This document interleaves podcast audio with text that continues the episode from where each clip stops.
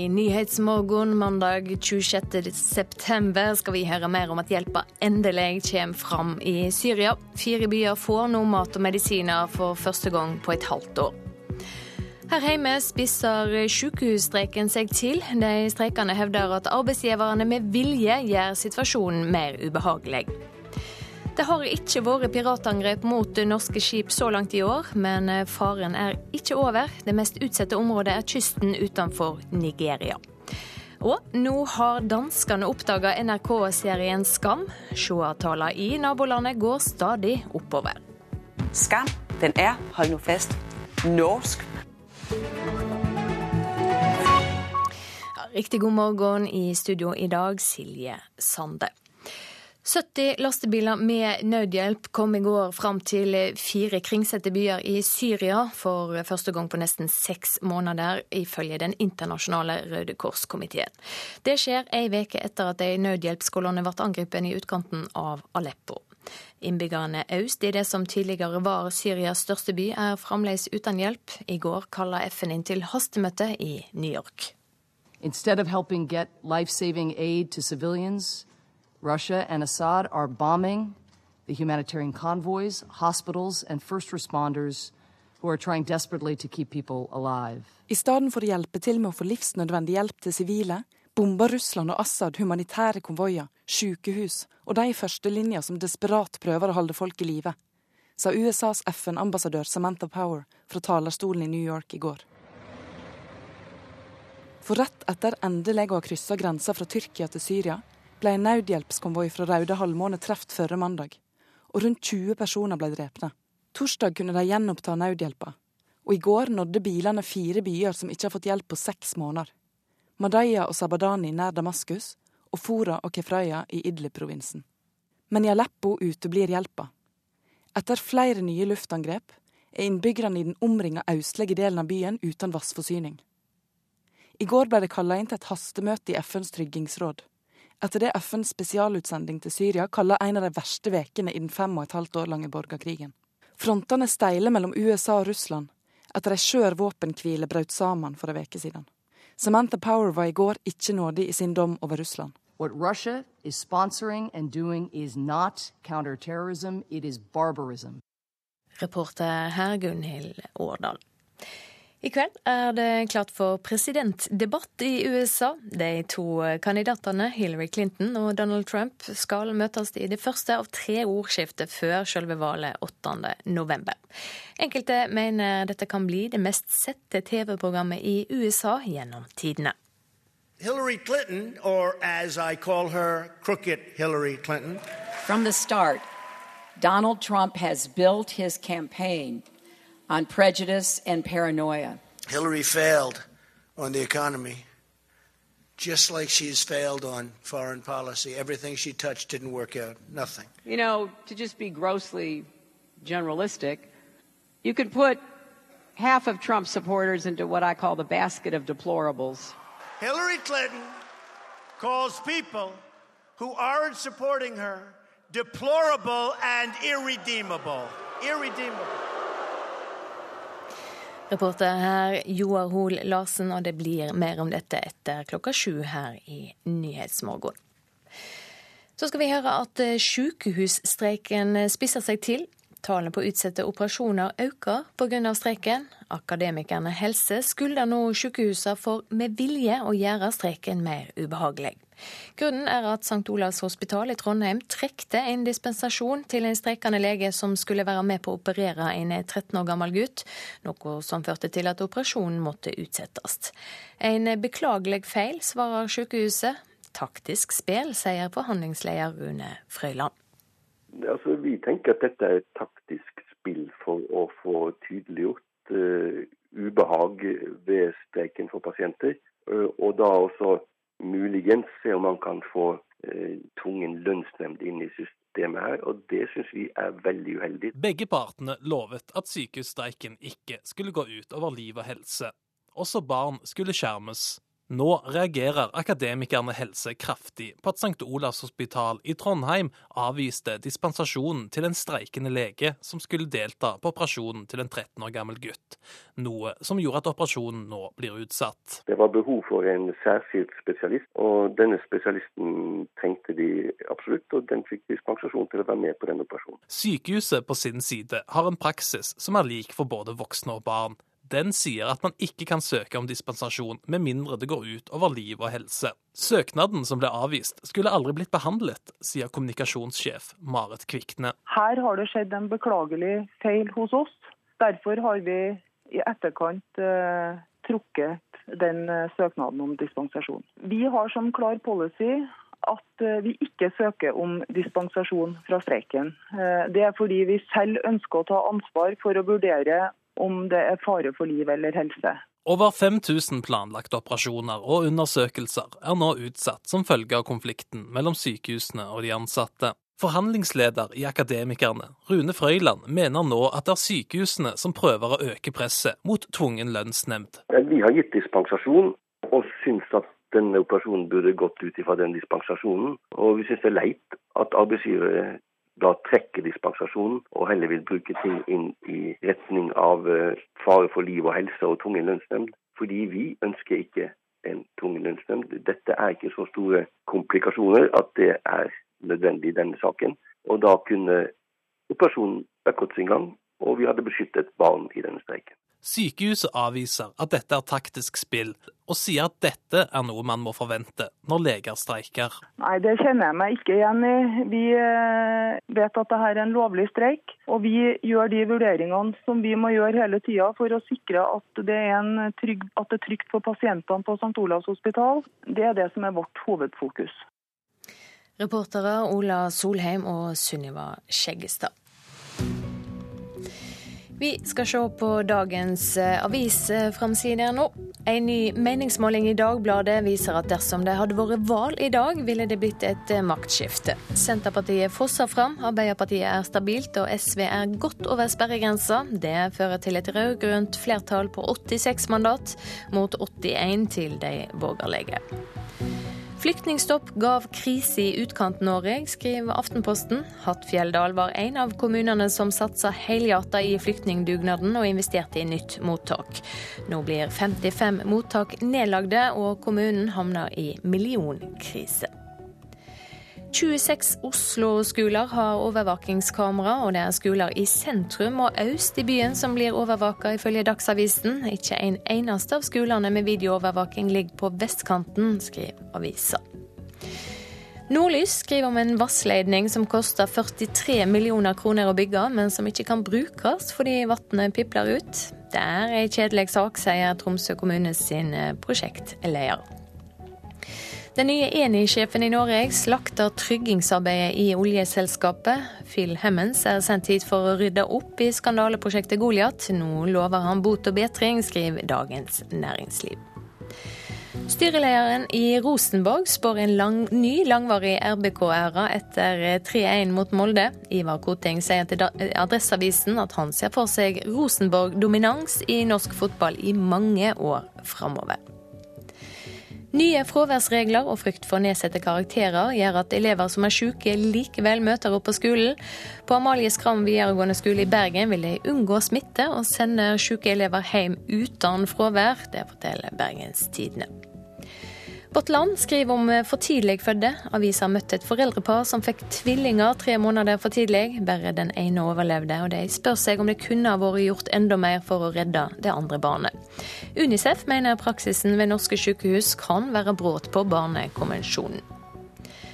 Den tidligere etterretningssjefen i Forsvaret er skuffa over langtidsplanen for eh, Forsvaret, skriver Klassekampen. Når den viktige landmakta blir utsatt, blir det galt, sier Kjell Grandhagen til avisa.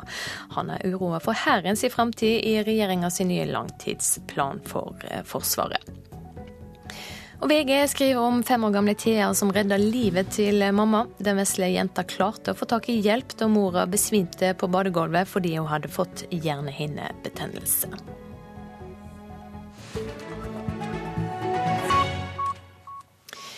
Så skal vi ha sport, og det er, handler om fotball. Før kampen mot Haugesund hadde Start spilt åtte uavgjorte og tapt 15 kamper denne sesongen.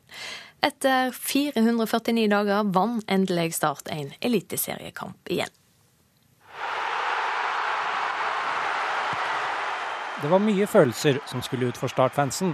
Endelig kunne de juble etter 39 strake ligakamper uten seier. Det er jo derfor vi holder på med dette. Det er jo, det er jo tross alt det å vinne som eh, som hele, alt det vi holder på med dreier seg om. Sa starttrener Steinar Pedersen. For Start ble belønnet etter en god andreomgang mot Haugesund, da innbytter Lasse Sigurdsen skåret sitt første eliteseriemål med sin første touch på ballen. Formen min er ganske bra, og du ser jeg skåret et mål nå på første touchen, så jeg er fornøyd med det. Det er fantastisk å vinne fotballkamper, og vi har ikke gjort det på veldig lenge, så det er deilig. Og så er det først, den første skåringa mi, så det er fantastisk. I fjor avsluttet Start med 15 kamper uten seier. Forrige seier kom 4.7 i fjor, da Stabæk ble beseiret 4-1.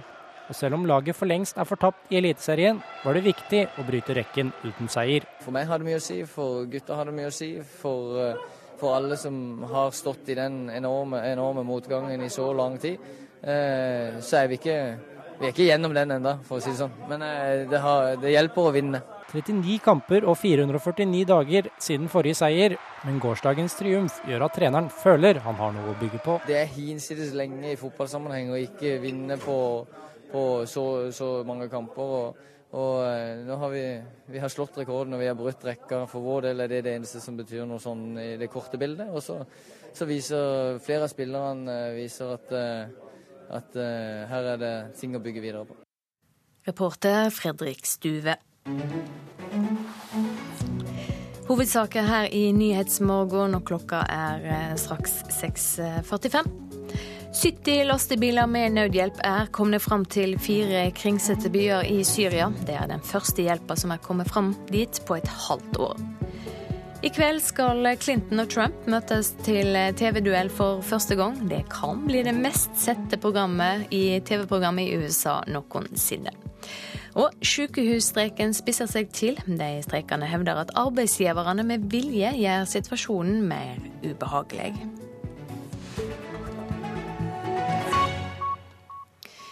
Piratangrep mot norske skip er redusert til null så langt i år, men faren er langt fra over. Det er konklusjonen til Jon Hammersmark, som er leder av beredskapsavdelinga i Norges Rederiforbund.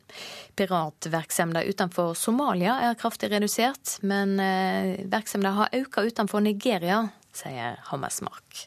Det vi ser nå er jo eh, at eh, det utenfor Somalia, hvor det tidligere var et stort problem, ikke har vært en vellykket kapring siden mai 2012. Derimot så ser vi jo at det fortsatt er utfordringer i Sørøst-Asia, og kanskje spesielt i Vest-Afrika utenfor Nigeria. Det er særlig fire områder som per i dag regnes som utsatte for piratangrep. Adenbukta utenfor Somalia, farvannet utenfor Nigeria og Malakkastredet i Sørøst-Asia. I tillegg har Abu Sayyaf-geriljaen, som nylig løslot nordmannen Kjartan Sekkingstad etter ett års fangenskap på Filippinene, begynt å kapre skip. Per i dag regnes Nigeria som det farligste stedet. Nå hvor vi ser at oljeprisene har, eh, har stupt, så eh, ser vi at eh, piratnettverkene i større grad tar mannskap som gisler, så kidnap for ransom, og da tar de til land og krever løsepenger. At farvannet utenfor Nigeria på Afrikas vestkyst er det farligste, bekreftes av seniorrådgiver Morten Alsaker Lossius i Sjøfartsdirektoratet. Utviklingen i Vest-Afrika er jo bekymringsfull. Altså Det er en del kidnappinger som oppstår eh, og foregår der nede. Og en del større fartøy er direkte kapra, og hvor lastene blir stjålet. Og det er gjerne petroleumsprodukt som en er interessert i å få med seg derfra. Så Vest-Afrika er et område som vi følger veldig nøye med på. Mens kyststatene i Vest-Afrika ikke tillater våpen om bord på skip i sine farvann, har Sjøfartsdirektoratet åpna for at norske skip kan ta bevæpna vakter om bord i det internasjonale farvannet i Adenbukta forbi Somalia på Afrikas østkyst. Det er et eh, fremdeles tilstedeværende militært personell, og i tillegg så har jo eh, de fleste eh, flaggstater gitt anledning til å bruke bevæpna vakthold. Det har nok bidratt betydelig til at aktiviteten har gått såpass mye ned som de faktisk har. Hvor mange norske skip benytter seg av eh, væpna vakthold? Ja, en sånn røftlig beregning rundt 30-40 vil jeg tro. Totalt fikk fem norske skip uønska besøk av pirater i fjor, og alle tilfellene skjedde i Sørøst-Asia. Etter at indonesiske myndigheter aktivt har jobba med sikkerheten, har ingen norske skip hatt pirater om bord i år. I dette området er det ikke last, skip eller mannskap som er målet, men løse gjenstander. Incidentene har vært av mindre alvorlig karakter, men har gått nå dramatisk ned i antall. Reporter Gisle Jørgensen. Så skal vi til Aserbajdsjan. Folket i det oljerike landet skal i dag gjennom ei folkerøysting og si om de ønsker at den sittende presidenten i landet skal få utvida fullmakter og rett til å regjere for en lengre periode. President Ilham Aliyev overtok makta i Aserbajdsjan da faren hans, Heidar Aliyev, døde i 2003. Og Moskva-korrespondent Morten Jentoft Fortell oss først detaljene i det folk i Aserbajdsjan skal ta stilling til i dag. Ja, Det er altså snakk om 29 eh, endringer i eh, den aserbajdsjanske grunnloven. Og som du sa, eh, kanskje viktigst, presidenten han kan sitte nå, hvis denne, disse endringene går igjennom, han skal kunne sitte i syv år. Og i tillegg til det så er det også utvidede fullmakter som presidenten får. Han får rett til selv å kunne oppløse parlamentet, selv ta initiativ til å skrive ut uh, nyvalg. Sånn at uh, det er en, en, ganske dramatisk forskyvning allerede fra en ganske sterk presidentmakt til det som mange da mener er et nesten rent uh, diktatur, da, styrt fra presidentkontorene. Hvorfor kommer denne folkerøstinga fra presidenten akkurat nå? Det kan man jo også lure litt på, fordi at eh, allerede i, 2009 så ble det innført endringer i eh, den aserbajdsjanske grunnloven som tillot at eh, presidenten, dvs. Si altså Ilham Aliyev, kunne sitte på ubestemt tid. altså Han kunne gjenvelges gang på gang. Men det skal være etter planen da nytt presidentvalg i 2018, og det er tydelig at Aliyev, og ikke minst denne kretsen rundt han, altså dynastiet demokratiet, som man gjerne kaller det i Aserbajdsjan. De ønsker ytterligere å sikre seg mot eventuell folkelig eh, motstand her. Eh, det har jo vært økonomiske problemer i det oljerike Aserbajdsjan pga. nedgangen i olje- og gassprisene. Eh, det har kanskje svekket posisjonen til Aliyev noe. Her ønsker man ikke å ta noen sjanser. Ved valget i 2018 så skal han kunne velges da for syv år fremover, altså kunne sitte ytterligere ytterligere en lang periode. Altså, har det vært protester mot denne folkerøystinga? Vil det få noe utslag? Det ser jo ikke sånn ut. Det var, det har vært små demonstrasjoner, markeringer bl.a. i Baku eh, mot eh, det som opposisjonen da i Aserbajdsjan mener er et forsøk på ytterligere å stramme det politiske grepet fra Aliyev-familien sin side. Vi har også sett at internasjonalt så har det vært kritikk bl.a. fra USA og fra denne Venezia-kommisjonen som da gransker kårene for demokrati bl.a. i Aserbajdsjan har vært kritisk til det som eh, man kjører gjennom der.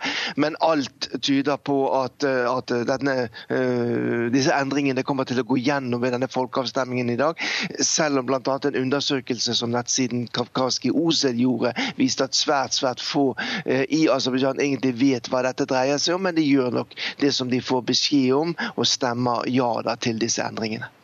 Takk skal du ha, Moskva-korrespondent Morten Jentoft.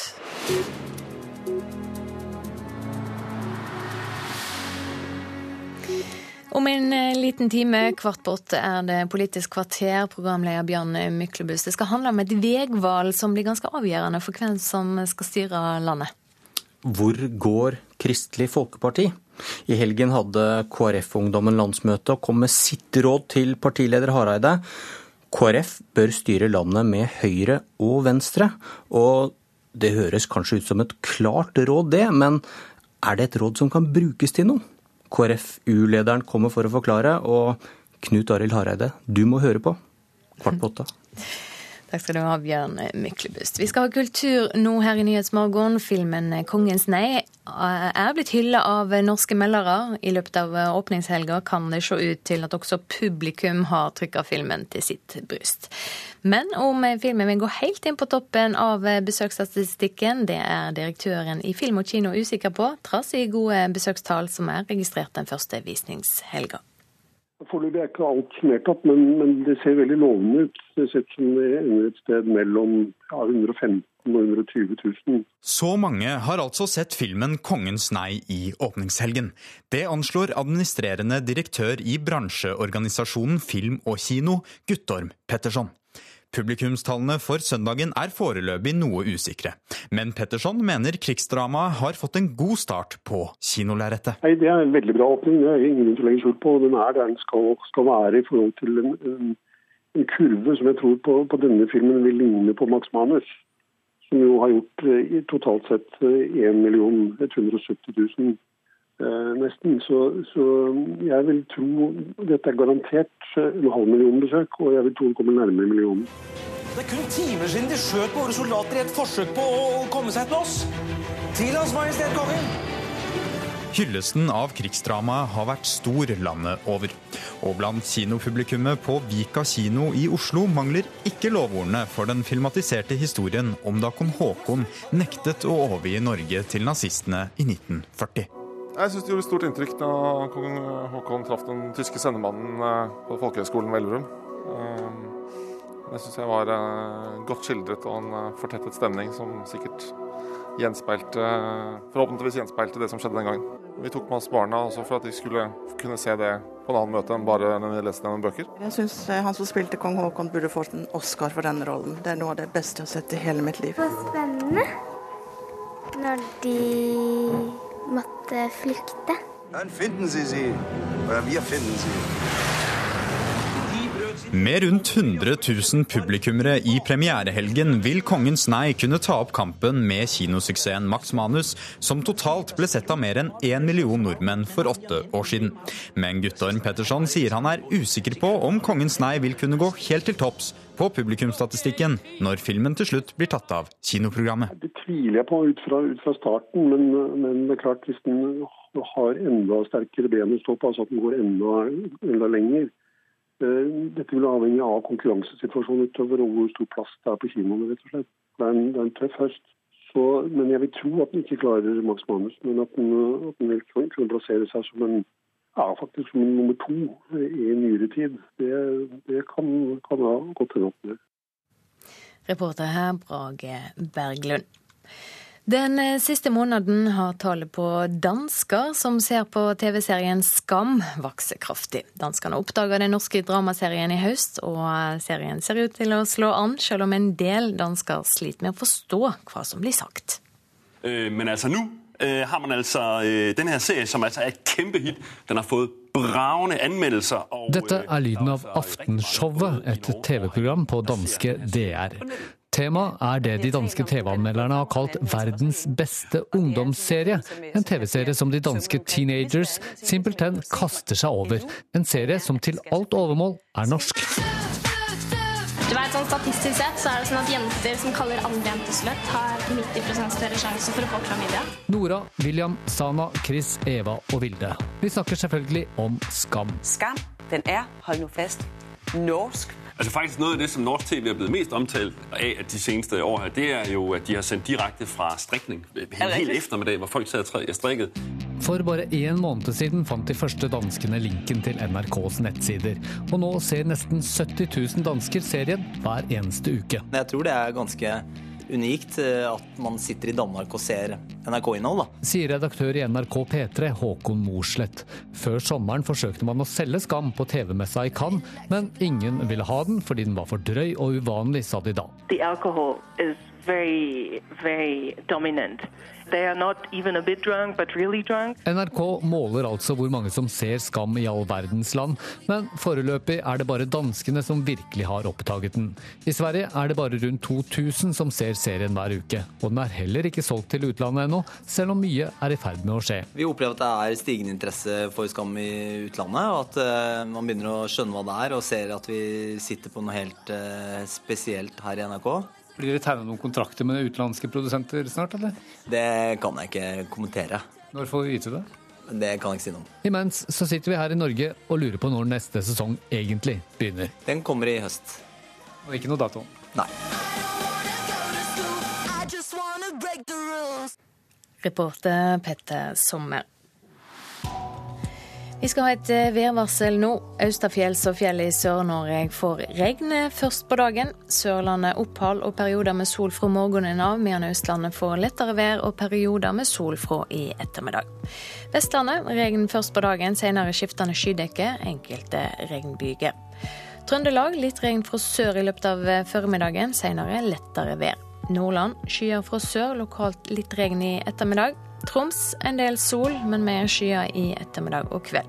Finnmark der blir det skyer eller delvis skyer, mens Spitsbergen får opphold det meste av dagen i dag, men regner mot kvelden. Det blir generelt lite vind, men sørlig liten kuling ved Stad. Også lokalt ved Lofoten og enkelte steder i Finnmark og på Spitsbergen blir det liten kuling. Så har vi temperaturene. De var målte for to timer siden. Svalbard lufthavn hadde da tre grader, Kirkenes fire, Vardø seks, Alta ni, Tromsø-Langnes 11, Bodø 16, Brønnøysund 15, Trondheim-Værnes 17, Molde 15, Bergen-Flesland hadde 13 grader, Stavanger 12, Kristiansand-Kjevik 15, Gardermoen 13, Lillehammer 14, Røros 11 og på Blindern i Oslo var det målt 14 grader for to timer siden.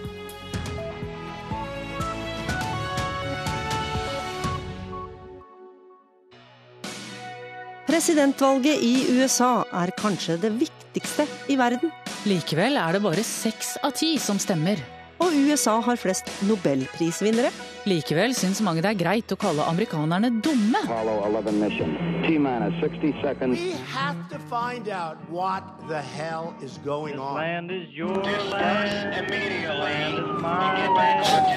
Hvorfor er det så vanskelig å forstå det amerikanske samfunnet?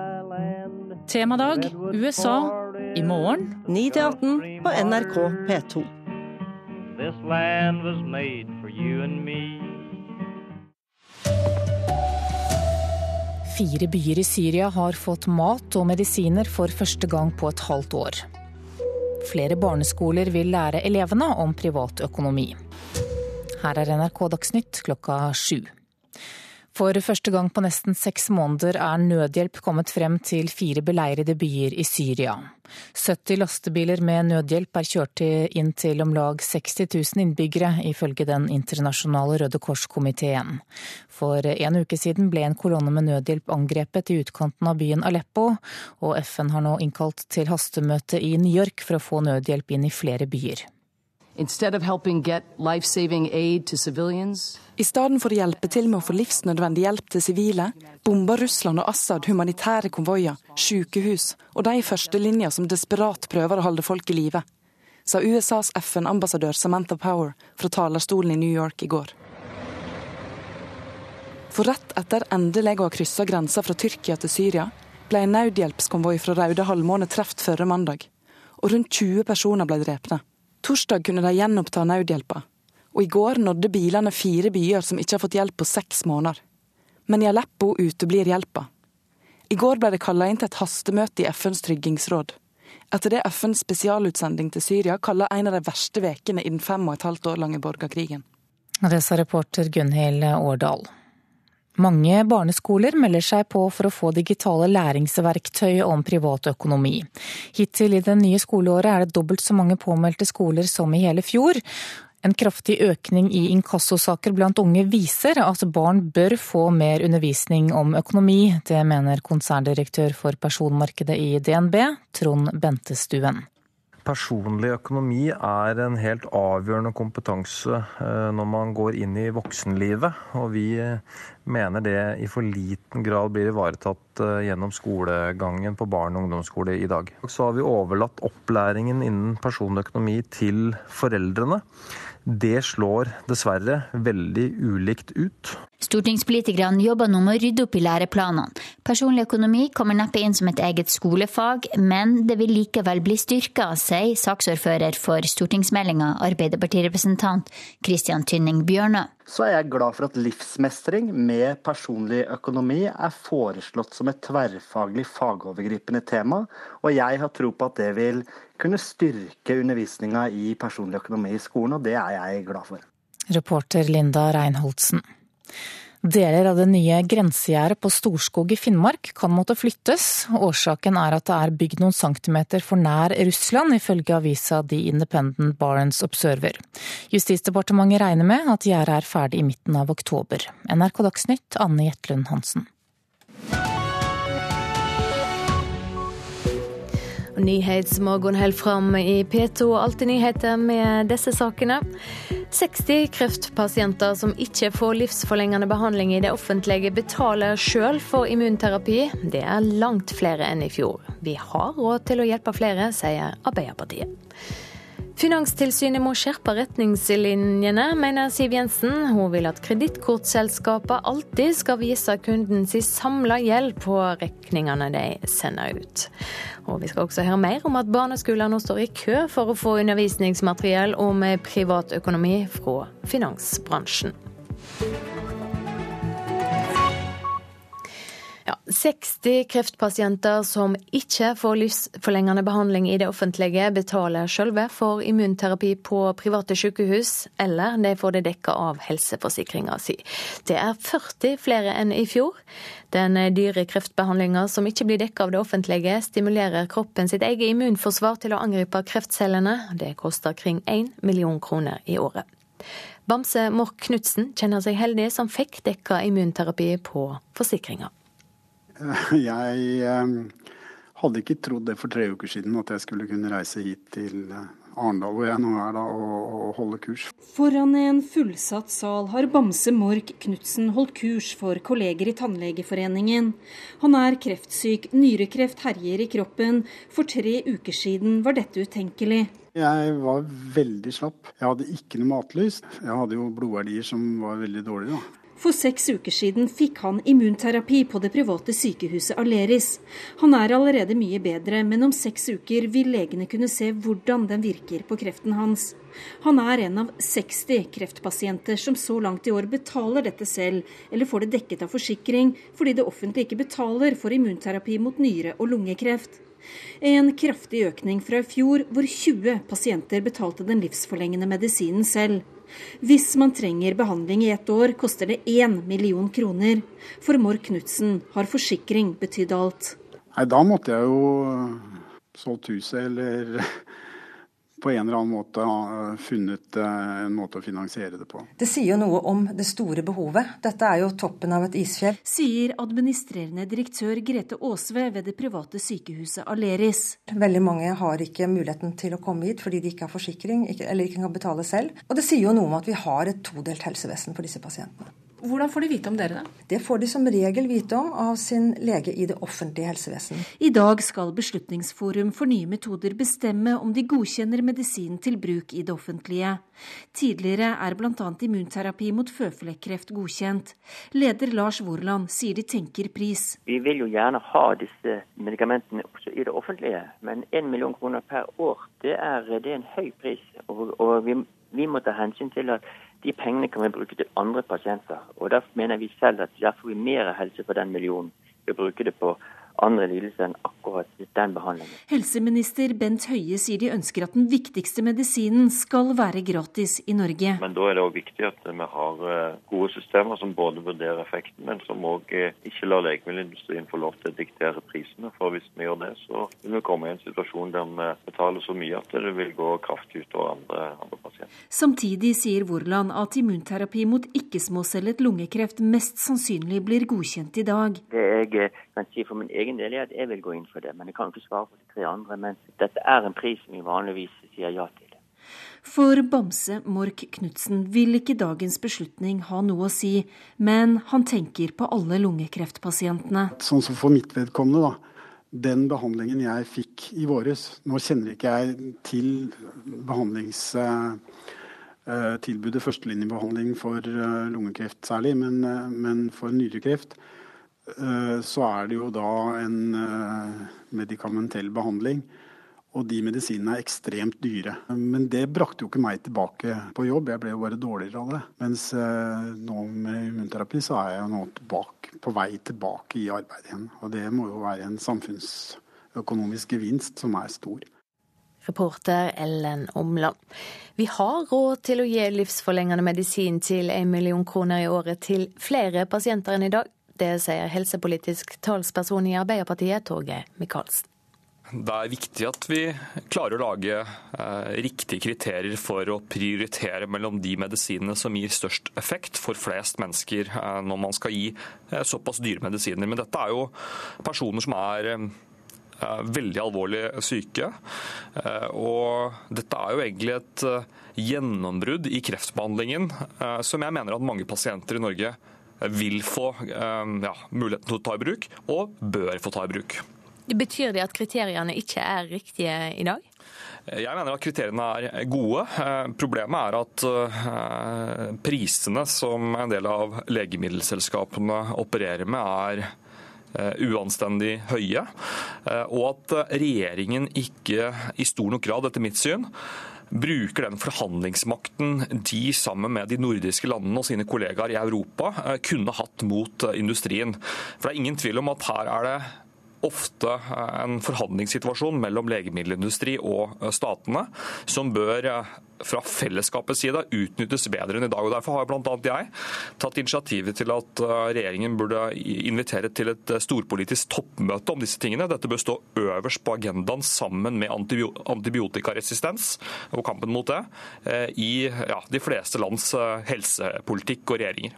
Ja, Vi hører jo helseministeren si at en ikke kan la legemiddelindustrien diktere prisene. Hvordan kan en unngå det? Ja, det her er jeg enig med helseministeren at det vil, eh, hvis de får lov til å diktere prisene, gå utover eh, alvorlig andre syke pasienter, og det kan vi ikke leve med. Eh, men han kunne gjort to ting som helseminister. Han kunne invitert sine kollegaer til Oslo, sagt at dette er den saken jeg vil sammen med dere nå forsøke å finne en, en modell der vi sammen kan møte legemiddelindustrien mer samlet og enhetlig for å presse prisene ned. Dette kunne ledet ut til et nordisk eller europeisk nordisk innkjøpssamarbeid. Eh, og så kommer vi heller ikke unna av at eh, en av grunnene til at eh, vi i Arbeiderpartiet og for så vidt dagens regjeringspartier lovte betydelig økte budsjetter til sykehusene foran sist valg, det var at vi så at disse teknologiske, fantastiske nye legemidlene ville spise mer av sykehusbudsjettene. Og Det tror jeg vi bare må erkjenne, at hvis vi skal være med på utviklingen her, så må vi også for de neste årene love mer penger til sykehusene. Eh, vi kommer ikke unna det. Ja, Vi hører her om et todelt helsevesen, der de som kan betale, får mer hjelp enn andre. Eh, hva synes du om det? Jeg synes veldig lite om det, og dette vil jeg si utfordrer både meg som menneske og som politiker, og en av de mest krevende sakene som jeg mener vi skal prøve å demme opp for i Norge. Altså En av de tingene Eh, vi har all grunn til å være stolt av til nå, det er at det er ikke lommeboka eller forsikringsordninger til oss eh, hver enkelt som bestemmer hva slags behandling man har fått, eh, men et fellesskapsbasert system der vi prioriterer i fellesskap. Og Jeg har ikke alle svarene på dette. Det er det ingen politikere i hele Europa som uh, egentlig har, for vi baler med de samme spørsmålene. Så her bør alle gode krefter til uh, med konkrete forslag til hvordan både legemiddelindustrien kan eh, moderere seg og vise samfunnsansvar, og hvordan vi fra staten, fra fellesskapet, kan bidra til at disse medisinene kommer raskere fram til pasientene. Det er ingen andre ting enn det vi ønsker.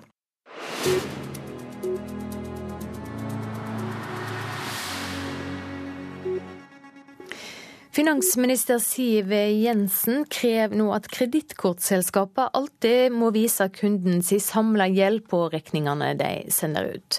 Hun er uroa over at mange tar opp kredittkortgjeld de ikke klarer å håndtere, og ber nå Finanstilsynet om å skjerpe retningslinjene. Det er jo sånn at Kredittkortgjeld kan bli et stort problem hvis man ikke betaler eh, gjelda ned. Derfor er vi opptatt av at fakturaene må være ryddige, oversiktlige og lette å forstå. Eh, Finanstilsynet har jo skjerpet retningslinjene, men det er grunn til å tro at de ikke blir fulgt opp på en god nok måte fra selskapene sin side. Derfor har jeg nå bedt Finanstilsynet om å utarbeide en forskrift, slik at vi får strammet dette opp. Og storbanken DNB merker en kraftig økning nå av barneskoler som melder seg på for å få undervisningsopplegg om privatøkonomi. Hittil i det nye skoleåret er det dobbelt så mange påmeldte skoler som i hele fjoråret. Nordpol barneskole i Oslo er mellom stadig flere som tyr til læringsmateriell fra finansbransjen for at elevene skal lære om personlig økonomi. Vi starter først med hva er penger, så da Sjetteklassingene Mina Myhren og Moad Bosidi forteller hva de har lært i det digitale læringsverktøyet som kalles lærepenger. Eh, det viktigste jeg har lært, er at eh, man må ha oversikt over utgifter og inntekter. Og at eh, de pengene man har, bør man ikke bruke opp så fort som mulig, men prøve å spare 50 eller 70 av det. Det er Røde Kors, Universitetet i Agder og DNB som står bak lærepenger. Hittil i årets skoleår er det over 800 påmeldte barneskoler, som er dobbelt så mange som i hele fjor. Det forteller oss noe om at det er et behov blant norske skoler for å få tilrettelagt eh, læringsverktøy og innhold som de kan benytte i, eh, i skolehverdagen. Det siste året har det vært en kraftig økning i inkassosaker pga. kredittkortgjeld og forbrukslån, spesielt blant unge, og det mener konserndirektør Trond Bentestuen i DNB er enda en viktig grunn til å styrke økonomiopplæringa tidlig. Man arver sine foreldre på godt og vondt.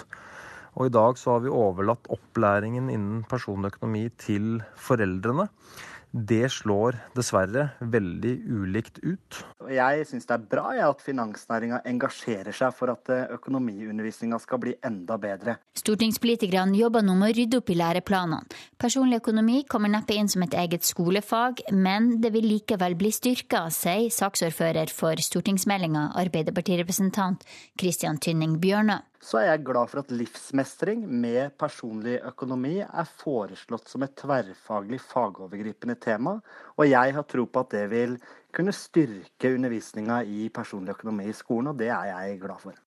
Reporter Linda Reinholdsen. Klokka nærmer seg 7.15. Hovedsaker nå 60 kreftpasienter som ikke får livsforlengende behandling i det offentlige, betaler sjølve for immunterapi. Det er langt flere enn i fjor. 70 lastebiler med nødhjelp er kommet fram til fire kringsette byer i Syria. Det er den første hjelpa som er kommet fram dit på et halvt år. Og i kveld skal Clinton og Trump møtes til TV-duell for første gang. Det kan bli det mest sette TV-programmet i USA noen gang. Russland får nå kraftig kritikk i FN for det flere mener er krigsbrotsverk i Syria. Og utenriksmedarbeider Sigurd Falkenberg Mikkelsen, hva svarer Russland til denne kritikken? Det Russland eh, sier, er at eh, USA og deres allierte ikke har klart å skille eh, mellom moderat opposisjon og det som alle er enige om er terrorister, nemlig Al-Nusra-fronten, som de het tidligere, tilknyttet Al Qaida. Det virker også som de har gitt opp fredsinitiativene og snakker nå om at det er umulig med fred slik situasjonen er nå. Det sa Vitalij Tsjørkin, Russlands FN ambassadør. Og det er klart at Dette setter jo eh, veldig alvorlige spørsmålstegn ved USAs forhandlingsstrategier, som eh, jo handlet om at eh, begge var enige om at det ikke var noen militær løsning på konflikten. Det virker nå som Russland tror at det er mulig med en seier for Assad. En militær seier, i hvert fall i de store byene, og at det er det vi er vitne til nå. Ja, og I dag har vi hørt at en rekke lastebiler med nødhjelp er kommet fram til byer som ikke har fått hjelp på et halvt år. Eh, hva vet vi om situasjonen i Aleppo nå? Der eh, sier innbyggerne at det er verre enn noen gang. Eh, jeg snakket, eh, eller var i kontakt med en lege i, sent i går kveld. og Han har vært gjennom mye de siste, de siste, siste par årene, og han sa at han aldri hadde opplevd noe lignende. Han sa at bare i går så var det 85 sivile som ble drept, og at det brukes mye klasebomber. Sånn at innbyggerne i Øst-Aleppo, altså den opprørskontrollerte delen av av byen, opplever nå et eh, bomberegn som eh, de aldri har opplevd eh, maken til, og med store konsekvenser for sivilbefolkningen. Takk skal du ha, Sigurd Falkenberg Mikkelsen. Vi skal videre til USA nå. Hillary Clinton kommer til å presse Donald Trump til å være mer konkret med innholdet i politikken sin. Det sier Clinton-medarbeiderne før TV-debatten mellom de to i kveld. Det er knytt stor spenning til eh, duellen, som kan slå alle tidligere seerrekorder, og gi næring til den som blir utpekt som vinner av eh, ordskiftet. Podiet er pusset, kameraprøvene er i boks og sperringene på plass her på Long Island. Nedtellingen har pågått hele helga, og duellen kommer samtidig med målinger som igjen bekrefter at Hillary Clintons solide forsprang på Donald Trump er i ferd med å bli spist opp. Nå ligger hun fire prosentpoeng foran på Reuters siste måling.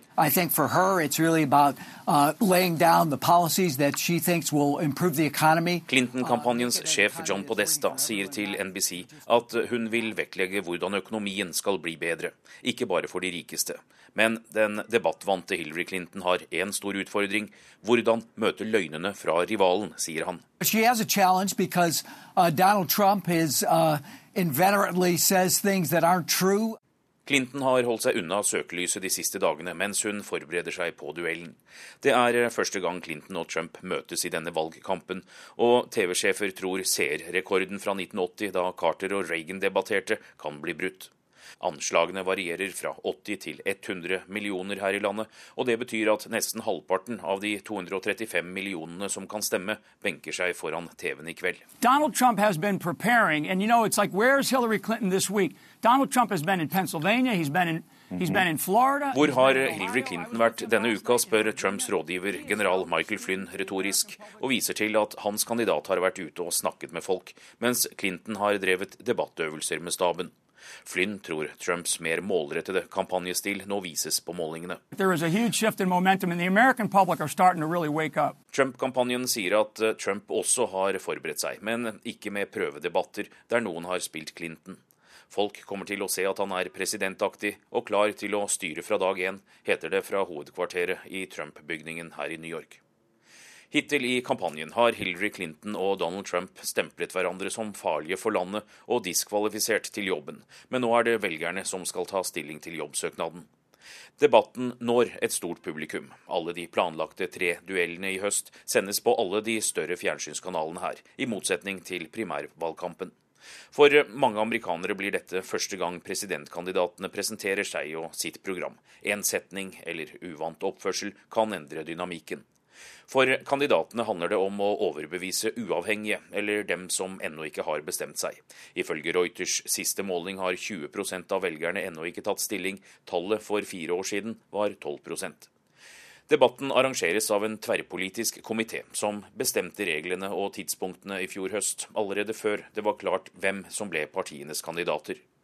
Duellen varer i 90 minutter uten reklamepauser, og det er seks bolker av 15 minutter.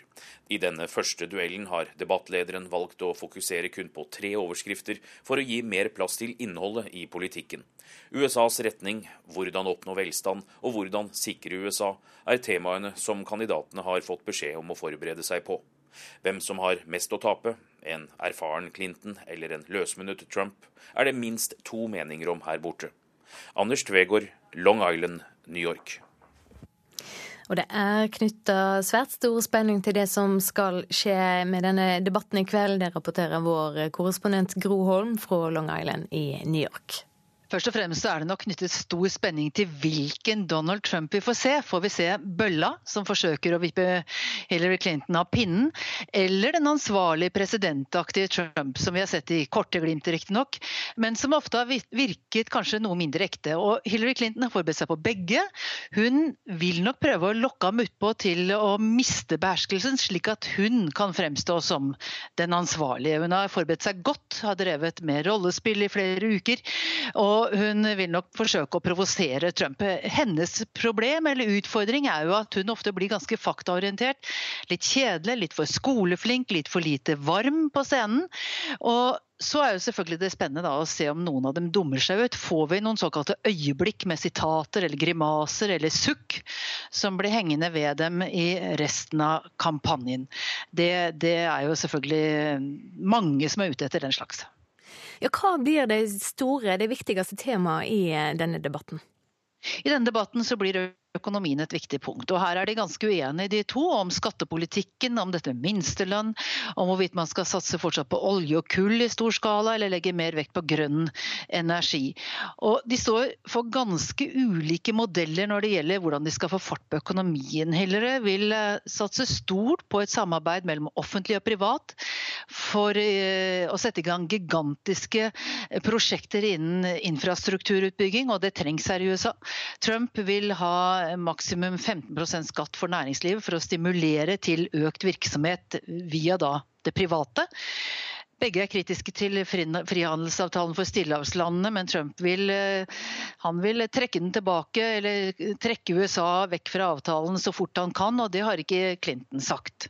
Og Dessuten så er det jo dette med sikkerhet, altså eh, sikkerhet for USA. Clinton vil nok utfordre Trump til å si hvordan han tenker seg at han skal bekjempe IS.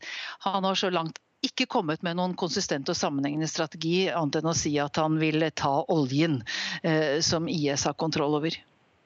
Det er knytt stor spenning til dette møtet, men hvor viktig er det for det folk i USA kommer til å reise på til slutt?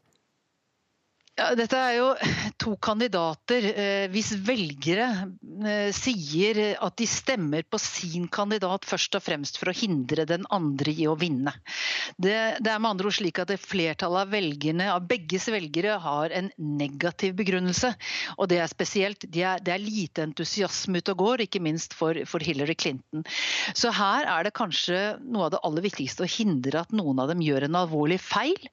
Og så er det slik at hver eneste debatt er en mulighet til å overbevise noen, noen tusen, noen hundre tusen kanskje, om at det er viktig å bruke stemmeretten.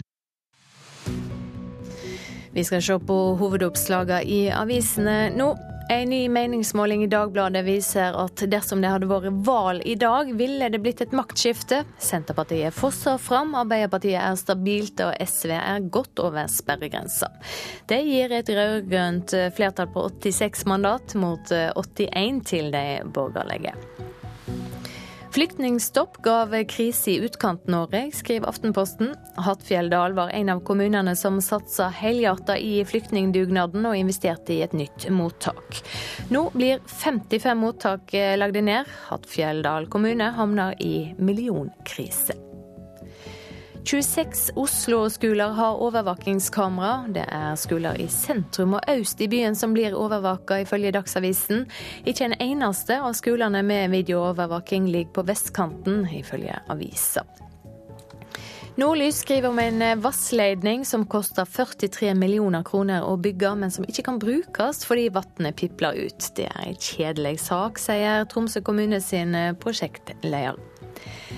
Den nye Eni-sjefen i Norge slakter tryggingsarbeidet i oljeselskapet. Phil Hemmens er sendt hit for å rydde opp i skandaleprosjektet Goliat. Nå lover han bot og bedring, skriver Dagens Næringsliv. Styreleder i Rosenborg spår en ny langvarig RBK-æra etter 3-1 mot Molde. Ivar Koting sier til Adresseavisen at han ser for seg Rosenborg-dominans i norsk fotball i mange år framover. Nye fraværsregler og frykt for nedsatte karakterer gjør at elever som er syke likevel møter opp på skolen. På Amalie Skram videregående skole i Bergen vil de unngå smitte, og sende de for syke elever hjem uten å gi dem fravær. Det skriver Bergens Tidende. Vårt Land skriver om for tidlig fødte. Avisa har møtt et foreldrepar som fikk tvillinger tre måneder for tidlig. Bare den ene ungen overlevde, og de spør seg om det kunne vært gjort enda mer for å redde det andre barnet. Unicef mener praksisen ved norske sykehus kan være brudd på Barnekonvensjonen. Laksebørser, der folk kan kikke på fangsten i elva, har eksistert en god stund. Nå er elgjakta i gang. I år har Statskog lansert en nasjonal elgbørs for de som er nysgjerrige på hva som blir skutt, forteller informasjonssjef Trond Gunnar Skillingstad. Du har en løsning der du ser skutt elg i hele landet, fra Troms i nord til Gjerstad i sør. Og så kan du klikke deg helt inn fra norgeskartet og inn til et jaktfelt. Så kan du se hvor mange elg er skutt, hvilken type elg. Er det elgku, okse, kalv? Og hvor tung er den.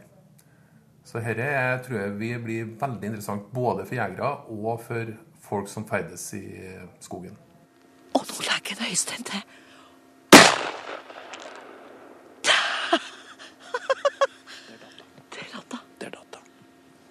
Der datt hun! Har du sett? Å, fy flate. Jon Inge, hun datt der nå. Jo, av og til så kan journalister også få være med på elgfall. Dette var fra ei klassisk direktesending i NRK Trøndelag. Interessen rundt elgjakta er alltid stor. Og sånn som elvene har sine egne laksebørser, så skal landet nå også få en elgbørs. Det er helt nytt. Dataene er ikke nye. Jegerne rapporterer inn, eh, og har gjort det i flere år, rapporterer inn til Statskog eh, hva de har skutt. Og slaktevekt osv. Det som er det nye, det er at vi presenterer dataene tilbake til jegerne. Så de får se sine egne data, og de får se uh, hvor mye elg som er skutt på andre områder. I tillegg så kan jeg og alle andre som ikke jakter elg, inn og se hvor det er skutt hen. Elgbørsen omfatter i første omgang all statsgrunn utenfor allmenningene, og gjelder en kvote på 1600 dyr. Men det kan jo utvides. Statskogs fagsjef for jakt og fiske, Jo Inge Breisjøberget, ser nytte i det nye registeret. For vår del så er det at vi hele tida kan være på'n og se at vi får skutt de dyra vi skal i alle områder. Og at det vi hvis vi ikke får skutt de dyra vi skal, så er vi veldig kjappe med at vi kan sette på nye lag eller eh, øke innsatsen da, i de områdene der ikke dyra blir skutt i. Det er den største fordelen vi har, i hvert fall. Du skal på elgjakt, det er jeg sikker på. Kommer du til å være nysgjerrig? jeg skal på elgjakt. Jeg kan nok være del nysgjerrig. Jeg jakter jo inntil et statskogterreng, så jeg kommer ferdig med det òg, ja. Jeg gjør nok det. Men pirrer det nysgjerrigheten etter hvert, tror du, sånn at man får lyst til å se hva naboen har vært borti og skutt? Og... Ja, det er både tror jeg og håper. Jakt er jo en sentral del av, av det norske friluftslivet. sånn at jeg tror det er ganske mange som vil være interessert i dette. Reporter Kjartan Trana. Produsent for Nyhetsmorgen i dag, Ingvild Ryssdal. I studio, Silje Sande.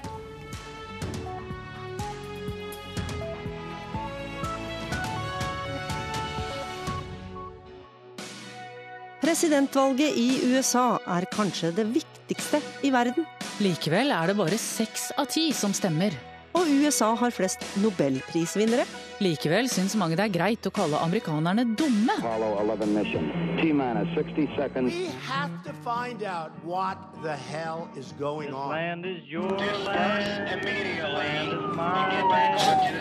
Hvorfor er det så vanskelig å forstå det amerikanske samfunnet?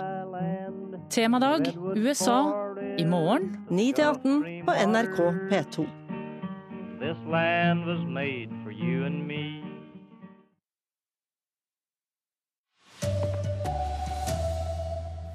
Flere kreftpasienter betaler selv for behandling som kan forlenge livet deres. Det er ventet seerrekord når Clinton og Trump for første gang møtes til fjernsynsduell i natt. Og stadig flere dansker får øynene opp for TV-serien Skam. Her er NRK Dagsnytt klokka 7.30. 60 kreftpasienter har så langt i år betalt selv for immunterapi på private sykehus, eller de får dekket dette av helseforsikringen sin. og Dette er 40 flere enn i fjor. Dette er pasienter som ikke får dekket livsforlengende behandling i det offentlige helsevesenet, en behandling som koster om lag 1 million kroner i året. Bjørn Mork Knutsen føler seg heldig som fikk dekket immunterapi via forsikringen.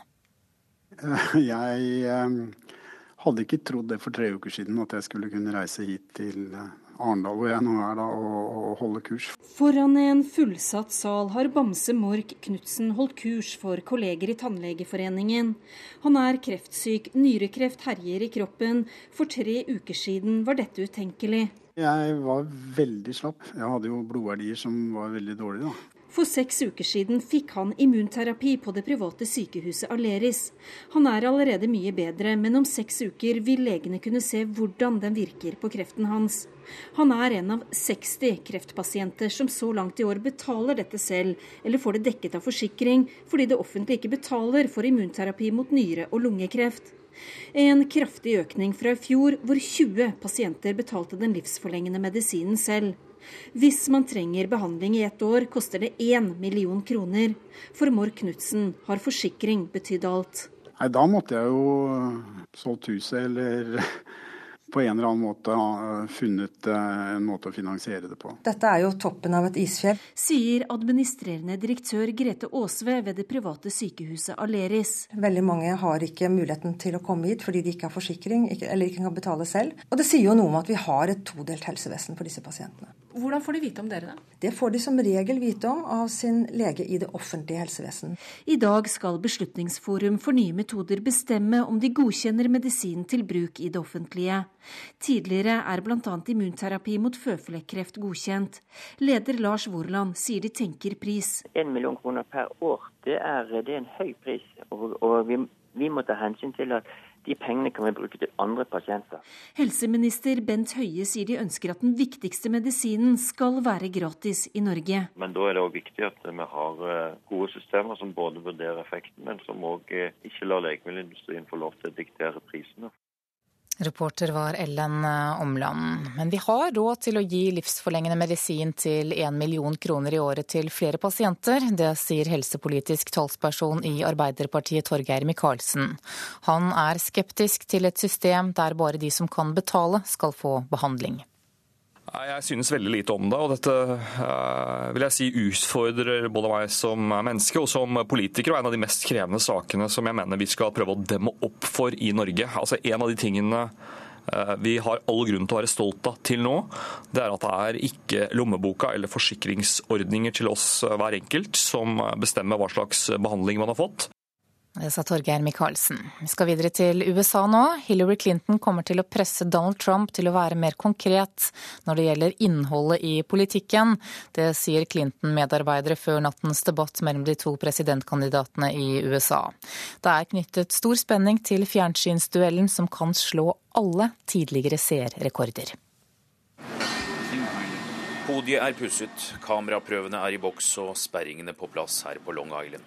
Nedtellingen har pågått hele helga, og duellen kommer samtidig med målinger som igjen bekrefter at Hillary Clintons solide forsprang på Donald Trump er i ferd med å bli spist opp. Nå ligger hun fire prosentpoeng foran på Reuters siste måling. Really uh, Clinton-kampanjens sjef John Podesta sier til NBC at hun vil vektlegge hvordan økonomien skal bli bedre, ikke bare for de rikeste. Men den debattvante Hillary Clinton har én stor utfordring. Hvordan møte løgnene fra rivalen, sier han. Because, uh, Donald Trump is, uh, Clinton har holdt seg unna søkelyset de siste dagene mens hun forbereder seg på duellen. Det er første gang Clinton og Trump møtes i denne valgkampen, og TV-sjefer tror seerrekorden fra 1980, da Carter og Reagan debatterte, kan bli brutt. Anslagene varierer fra 80 til 100 millioner her i landet, og det betyr at nesten halvparten av de 235 millionene som kan stemme, benker seg foran TV-en i kveld. Donald Trump has been preparing, and you know, it's like, where's Hillary Clinton this week? Donald Trump has been in Pennsylvania, he's been in hvor har Hillary Clinton vært denne uka, spør Trumps rådgiver general Michael Flynn retorisk, og viser til at hans kandidat har vært ute og snakket med folk, mens Clinton har drevet debattøvelser med staben. Flynn tror Trumps mer målrettede kampanjestil nå vises på målingene. Anders Tvegård, Long Island, New York. Så videre til eh, Syria. Der kom 70 lastebiler med nødhjelp i går frem til fire beleirede byer. Det sier Den internasjonale Røde Kors-komiteen. Men fortsatt er det mange mennesker som trenger hjelp, og i går innkalte FN til hastemøte i New York. Instead of helping get life-saving aid to civilians, Russia and Assad are bombing the humanitarian convoys, hospitals, and first responders who are trying desperately to keep people alive. I stedet for å hjelpe til med å få livsnødvendig hjelp til sivile, bomber Russland og Assad humanitære konvoier, sykehus og de i førstelinja som desperat prøver å holde folk i live, sa USAs FN-ambassadør Samantha Power fra talerstolen i New York i går. For rett etter endelig å ha kryssa grensa fra Tyrkia til Syria, ble en nødhjelpskonvoi fra Raude halvmåne truffet forrige mandag, og rundt 20 personer ble drepte. Torsdag kunne de gjenoppta nødhjelpa, og i går nådde bilene fire byer som ikke har fått hjelp på seks måneder. Madaya og Sabadani nær Damaskus, og Fora og Kefraya i Idlib-provinsen. Men i Aleppo uteblir hjelpa. Etter flere nye luftangrep er innbyggerne i den omringa østlige delen av byen uten vannforsyning. I går ble det kalla inn til et hastemøte i FNs tryggingsråd etter det FNs spesialutsending til Syria kaller en av de verste ukene i den fem og et halvt år lange borgerkrigen. Frontene steiler mellom USA og Russland etter ei skjør våpenhvile brøt sammen for ei uke siden. Samantha Power var i går ikke nådig i sin dom over Russland. What Russia is sponsoring and doing is not counterterrorism, it is barbarism. Reporter var Gunhild Årdal. Finansminister Siv Jensen krever at kredittkortselskapene alltid må vise kundens samlede gjeld på fakturaene de sender ut. Hun er bekymret over at mange tar opp kredittkortgjeld de ikke klarer å håndtere, og ber Finanstilsynet skjerpe retningslinjene. Det er jo sånn at Kredittkortgjeld kan bli et stort problem hvis man ikke betaler eh, gjelda ned. Derfor er vi opptatt av at fakturaene må være ryddige, oversiktlige og lette å forstå. Finanstilsynet har jo skjerpet retningslinjene, men det er grunn til å tro at de ikke blir fulgt opp på en god nok måte fra selskapene sin side. Derfor har jeg nå bedt Finanstilsynet om å utarbeide en forskrift, slik at vi får strammet dette opp. Kredittkortgjeld kan fort bli veldig dyrt om man ikke følger med. Derfor mener jeg det nå er på tide å stramme dette inn. Over 300 000 norske husholdninger sliter med høy kredittkortgjeld. Og nå vil finansminister Siv Jensen ha strengere retningslinjer for kredittkortselskapene. Derfor mener jeg det nå er på tide å stramme dette inn, av hensyn til eh, forbrukerne. Reporter Ola Solheim. Den siste måneden har flere dansker fått øynene opp for TV-serien Skam. Danskene oppdaget den norske dramaserien fra NRK P3 i høst, men mange av dem sliter med å forstå det norske språket. Denne serien, som altså er et kjempehit, den har fått. Dette er lyden av Aftenshowet, et TV-program på danske DR. Temaet er det de danske TV-anmelderne har kalt verdens beste ungdomsserie. En TV-serie som de danske teenagers simpelthen kaster seg over. Du vet, sånn Statistisk sett så er det sånn at jenter som kaller andre jenter sløtt, har 90% større sjanse for å få klamydia. Nora, William, Sana, Chris, Eva og Vilde. Vi snakker selvfølgelig om Skam. Skam, den er, hold nå fest, norsk. For bare én måned siden fant de første danskene linken til NRKs nettsider. Og nå ser nesten 70 000 dansker serien hver eneste uke. Jeg tror det er ganske unikt eh, at man sitter i Danmark og ser NRK-innhold. Sier redaktør i NRK P3 Håkon Morslett. Vi opplever at det er stigende interesse for Skam i utlandet, og ser at vi sitter på noe helt uh, spesielt her i NRK. Imens så sitter vi her i Norge og lurer på når neste sesong egentlig begynner. Den kommer i høst. Og ikke noe dato? Nei. Reporter her, det var Petter Sommer, og det blir mer om dette i Kulturnytt eh, etter klokka åtte. Ansvarlig for NRK Dagsnytt er Bjørn Christian Jacobsen, og her i studio Anne Jetlund Hansen.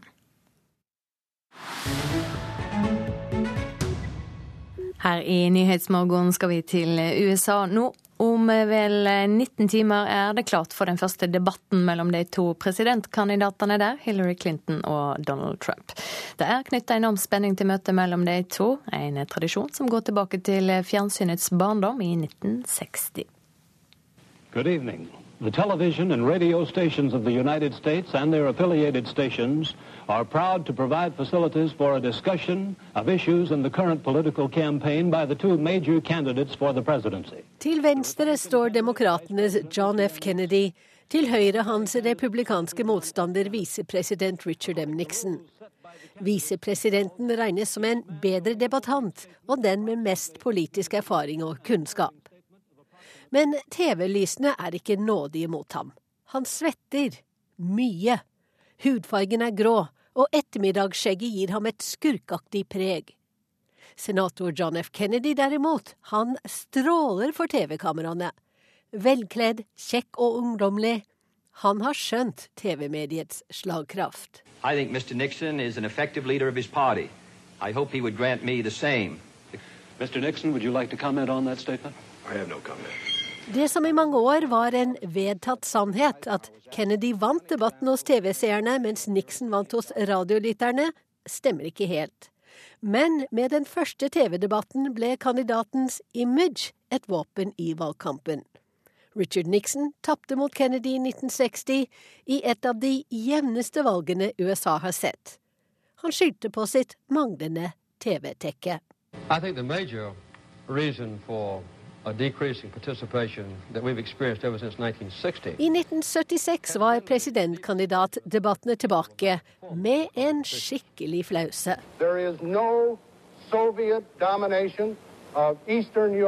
Det er ingen sovjetisk dominans i Øst-Europa, erklærte president Gerald Ford, og det midt under den kalde krigen. Verken debattlederen eller noen andre trodde sine egne ører. Sorry, I just say, sir,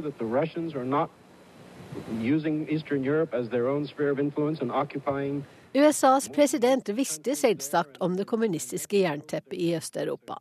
Men Ford sto på sitt, insisterte på at verken Polen, Romania eller Jugoslavia var under sovjetisk innflytelse, og tapte valget så det suste til sin demokratiske utfordrer Jimmy Carter. Og siden det har de direktesendte presidentdebattene vært en viktig del av valgkampen. Ikke nødvendigvis på grunn av det politiske innholdet, men på grunn av den lille kommentaren, det ene svaret, ja, til og med bevegelsen eller lyden som kan snu velgerne. Governor Reagan again, typically, is against such a proposal. Governor, there you go again. There you go again, sa den scenevante tidligere skuespilleren Ronald Reagan til den sittende og nokså keitete presidenten Jimmy Carter. Fire år senere gjentok president Reagan det kunststykket å være både nedlatende og sjarmerende på en gang. Mange mente 73-åringen var for gammel til å stille til gjenvalg. I am not going to exploit for political purposes my opponent's youth and inexperience. Jeg vil ikke score politiske poeng på min motstanders ungdommelighet og manglende erfaring, fleipet han.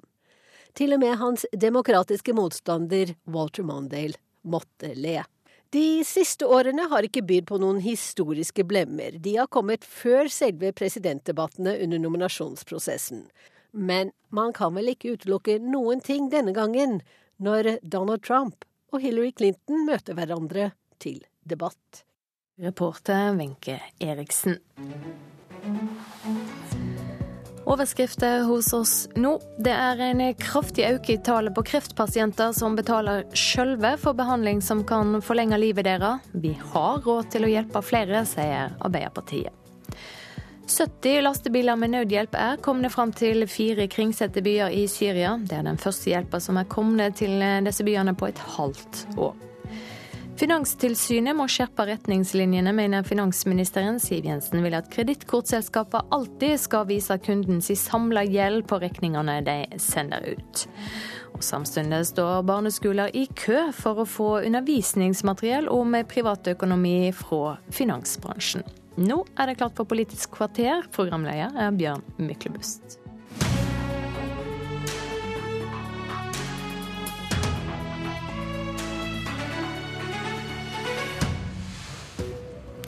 Hva hørte du i helgen? Knut Arild Hareide. Hva betyr rådene du fikk fra ungdommen? Kan en stemme på KrF bli en stemme på Frp i regjering?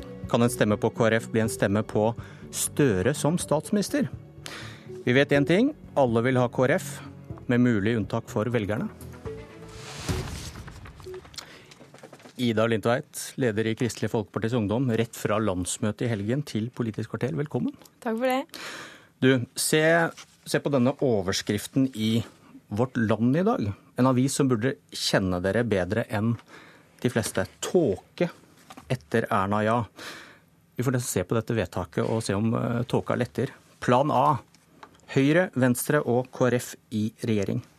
Men hvor sannsynlig er nå egentlig det?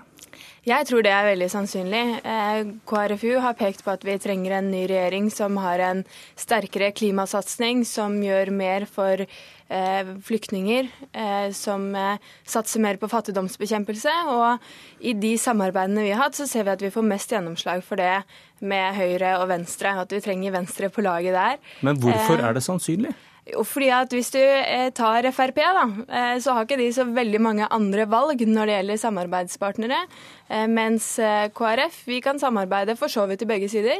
sånn at hvis Erna velger sentrum, så tror jeg Frp ikke er så veldig gira på å sette inn Jonas Gahr Støre som statsminister. Men problemet med plan A er at Erna har valgt. Hun sier veldig høyt og tydelig Frp blir ikke kastet ut av regjering. Nei, men Nå skal man jo inn i en valgkamp, og da må folk som ønsker en sterkere klimasatsing og mer fattigdomsbekjempelse, de må stemme på KrF. Og med et sterkt sentrum så tror jeg Erna Solberg vil se at hun må velge sentrum, eller så må hun velge seg selv ut av regjeringskontorene. Nei, men du ser at Sånn som det ser ut nå, så ser ikke denne planen av veldig sannsynlig ut. Erna Solberg sier nei til å kaste ut Frp, og Frp kommer ikke til å gå ut av regjeringen. Og da er vi vel over på plan B vi snart skal snakke om. jo, men eh, hvis Erna Solberg velger bort sentrum, så har hun eh, gjort et valg som, eh, der hun ikke får flertall for en regjering. Og da velger hun seg selv også bort fra regjeringskontorene, og det tror jeg ikke Erna er så gira på. Ok, Hvis du ikke får til dette, så sier dere jo også at en Høyre- og Frp-regjering kan styre videre. Så blir dere et opposisjonsparti uten en samarbeidsavtale som i dag. Ja, det vi sier er at man, altså I Norge så innsetter man jo ikke noe regjering. Eh, sånn at hvis eh, Erna fortsetter å skulle samarbeide med Frp, og vi er på vippen, så går vi i opposisjon. Da kan vi samarbeide fra enkeltsak til enkeltsak. Men også er det naturen til et opposisjonsparti at man også kan felle en regjering som man ikke er enig med. Det skal vi komme til, men det dere da sier er at da blir sannsynligvis en stemme på KrF en stemme på Frp i regjering. En stemme på KrF er en stemme på KrF sin politikk. Eh, sånn Men dere er villige ikke... til å la Frp fortsette i regjering inntil altså, videre? Hvis ikke KrF kommer inn i regjering, så vil vi stemme for de sakene vi er for, og så vil vi danne flertall mot de sakene som en regjering leverer politikk på som vi er mot. Eh, og hvis en regjering da på en sånn type sak, si fattigdomsbekjempelse, eh, sier at det er dette eller ingenting, så vil vi være villige til å følge den regjeringen. Og så får vi kalle det plan C så kan en stemme på KrF, KrF, også bli en stemme på Støre som statsminister. Hvis vi ser på dette punkt 8 i vedtaket deres, at hvis regjeringen bryter fundamentalt med KrFs politikk, vil dere se etter andre å samarbeide med. Og det er vel Arbeiderpartiet? Altså, jeg mener det er naturlig som et opposisjon, opposisjonsparti eh, å se etter andre typer konstellasjoner. Eh, en annen gang så var det også sentrum som dannet en sånn type regjering. sånn at hvis vi ser at andre partier vil bedre levere på KrFs politikk, så er en stemme på KrF en stemme på KrFs politikk, og da vil vi kjempe for det. Du som har vært så tydelig i å avvise Arbeiderpartiet, dette må vel gjøre litt vondt i hjertet ditt? Nei, det gjør ikke det. Fordi eh, jeg er eh, aktiv i KrF for å kjempe for bedre klimasatsing, en mer human og rettferdig asylpolitikk. Og Arbeiderpartiet har ikke stått liksom fremst i køen eh, for dette. Og derfor er jeg skeptisk til å gå inn i en regjering med Arbeiderpartiet. Men hvis det skulle vise seg at Høyre og Frp ikke ønsker å samarbeide med KrF, leverer dårlig på KrFs politikk, så må vi finne alternativer som gjør at vi får gjennomslag for vår politikk. La oss tenke oss et ikke helt usannsynlig scenario. Asylpolitikk blir viktig ved valget. Frp styrker seg. De får større gjennomslag for en enda strengere politikk enn i dag. Som Siv Jensen for så vidt varslet nå i helgen da hun holdt tale. Men dere har jo da sagt at det bør bli en borgerlig regjering. Den bør få sitte etter valget uansett. Nei, det har vi jo ikke sagt. fordi vi sier at hvis vi ikke er en del av en sånn regjering, så går vi i opposisjon. Og dette er en sånn type sak hvor vi må være villig til å eh, kaste en regjering på hvis man fortsetter å føre en eh, ekstremt streng og ikke human asylinnvandringspolitikk. Men hvorfor peker dere da på at det er naturlig at en borgerlig regjering får sitte inntil videre etter valget? Hadde det ikke vært mer logisk å vurdere fritt hvilken konstellasjon som gir mest KrF-politikk, før man peker på hvem man vil, eh, vil, støtte og samarbeide med? Nei, fordi vi har sett dette, eller denne perioden, at vi har fått veldig mye gjennomslag med denne regjeringen, og det er vi stolte av.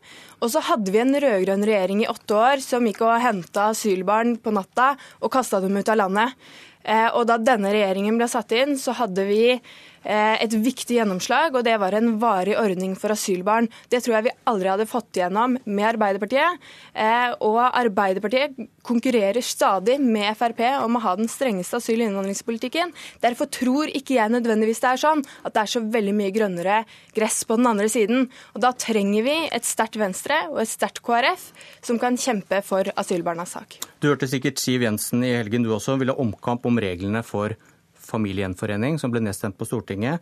Hun hun ville omkamp på at det skal ta lengre tid før man får varig opphold i Norge.